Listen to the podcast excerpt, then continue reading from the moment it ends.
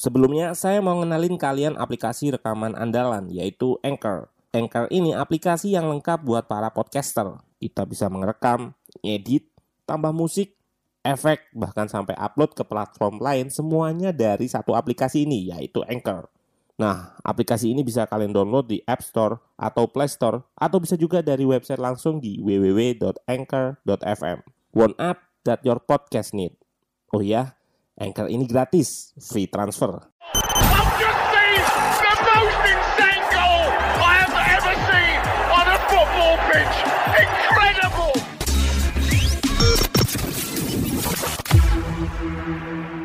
Halo, selamat datang di channel Ruang Taktik. Di video kali ini kita akan analisis pertandingan Portugal versus Jerman. Match ini membuat klasemen grup F yang banyak disebut grup neraka menjadi semakin panas hingga akhir nanti. Jerman yang sebelumnya kalah 0-1 dari Prancis mampu menang di pertandingan ini dengan skor telak 2-4. Sempat tertinggal lebih dulu, Der Panzer mampu membalas dengan dua gol di babak pertama yang meski gol bunuh diri namun dua prosesnya memanfaatkan taktik mengekspos pertahanan Portugal.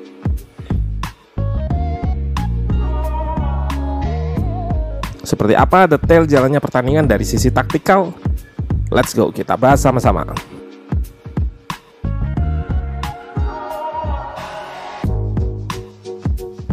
Portugal turun dengan formasi 4-1-4-1. Cristiano Ronaldo diplot sebagai ujung tombak yang disokong empat pemain tengah, Jota, Carvalho, Bruno, dan Bernardo Silva. Lalu di belakangnya ditopang satu defensive midfielder untuk menjaga ruang antar lini.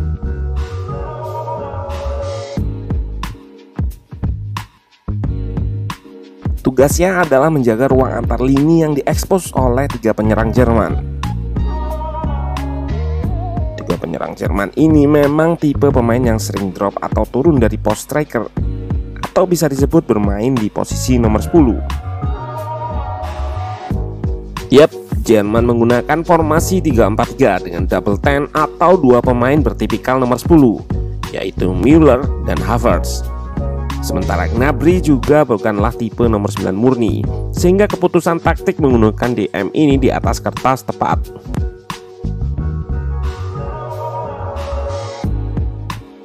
Tiga pemain depan ini melakukan rotasi. Gnabry drop, Havertz lebih ke depan atau bisa sebaliknya. Yap, karena Portugal bertahan rapat dan kompak di tengah, Jerman menggunakan sayap untuk melakukan stretch atau merenggang seperti yang dilakukan Gosen atas Semedo di sini. Jarak Semedo dan back lainnya merenggang karena harus press ke Gosen saat bola dialihkan kepadanya. Di sisi terjauh ada Kimmich juga di sayap. Memanfaatkan switching atau memindah serangan dengan cepat, Jerman akan berusaha membongkar pertahanan Portugal.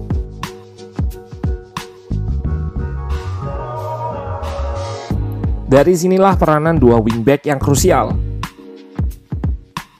Kimmich digunakan sebagai crosser atau switcher. Dengan akurasi umpannya dari sisi kanan akan dengan cepat memindah serangan ke kiri. Ditambah adanya Ginter yang mampu memainkan peran overlapping center back, menambah daya gedor di sisi kanan lewat umpan akuratnya. Lalu wingback satunya yaitu di kiri, Gosens akan merangsek masuk. Inilah peran unik Gosens yang juga dijalankannya di Atalanta. Gak hanya menjaga lebar lapangan dan menunggu switch, Gosen akan masuk ke kotak penalti untuk menyambut crossing. Aplikasi all-in-one dan menjadi andalan para podcaster buat rekam podcast mereka, namanya Anchor. Pakai Anchor ini, kalian nggak perlu peralatan ribet kayak studio kalau mau ngerekam. Semuanya bisa dari smartphone kalian menggunakan Anchor. Anchor bisa kalian download di App Store atau Play Store. Mudah banget. Di Anchor, kalian nggak hanya bisa ngerekam audio, tapi juga bisa ngedit langsung di sini. Nggak sampai di situ, Anchor juga dapat mendistribusikan konten kamu ke platform lain. Contohnya Spotify, Apple Music, dan lain-lain. Keren banget, satu aplikasi buat semua kebutuhan. Jadi, nggak perlu aplikasi-aplikasi editing lain. Daripada kalian makin penasaran, mending langsung aja download Anchor sekarang. Oh ya, Anchor ini gratis loh. Taktik Jerman adalah memancing pertahanan Portugal ke sisi sayap tertentu, lalu cross ke tiang jauh ke sayap lainnya.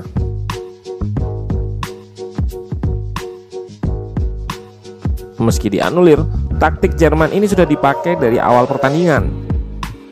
Melakukan switch atau memindah arah serangan dengan cepat sampai pertahanan Portugal bercelah. Salah satunya celah karena pemain sayapnya nggak melakukan track back atau mundur seperti ini.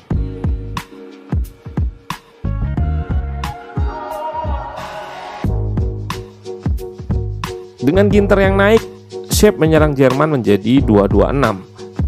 Artinya 4 back akan diikat penyerang dan jika sayapnya nggak turun maka akan ada pemain yang kosong.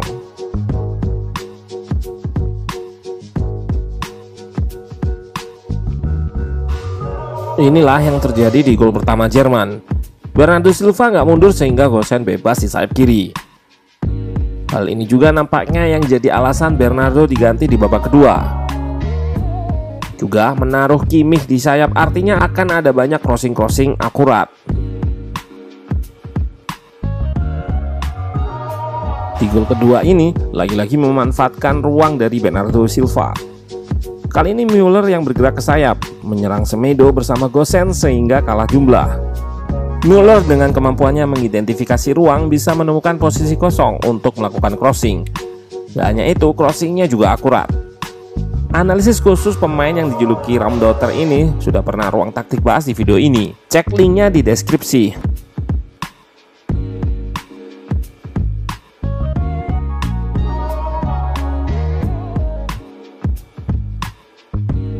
Jadi meski dua gol ini bunuh diri, ada analisis skema gol dan taktiknya.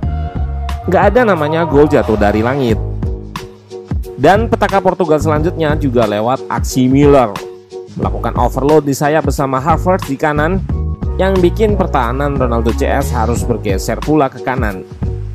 Dengan aksi individu dan kombinasi umpan, Müller berhasil memindah serangan ke kiri, tempat di mana Gosen gak terkawal.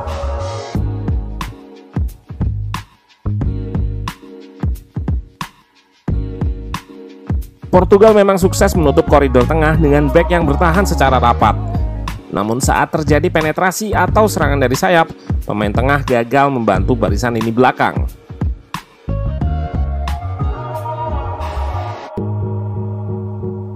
Inilah yang membuat gol-gol Jerman terjadi dari situasi yang mirip. Umpan silang dari kiri ke kanan atau sebaliknya, seperti gol terakhir yang terjadi dari crossing Kimmich. Duet wingback yang sempurna lewat akurasi umpan Kimmich dan penetrasi attacking wingback Gosens.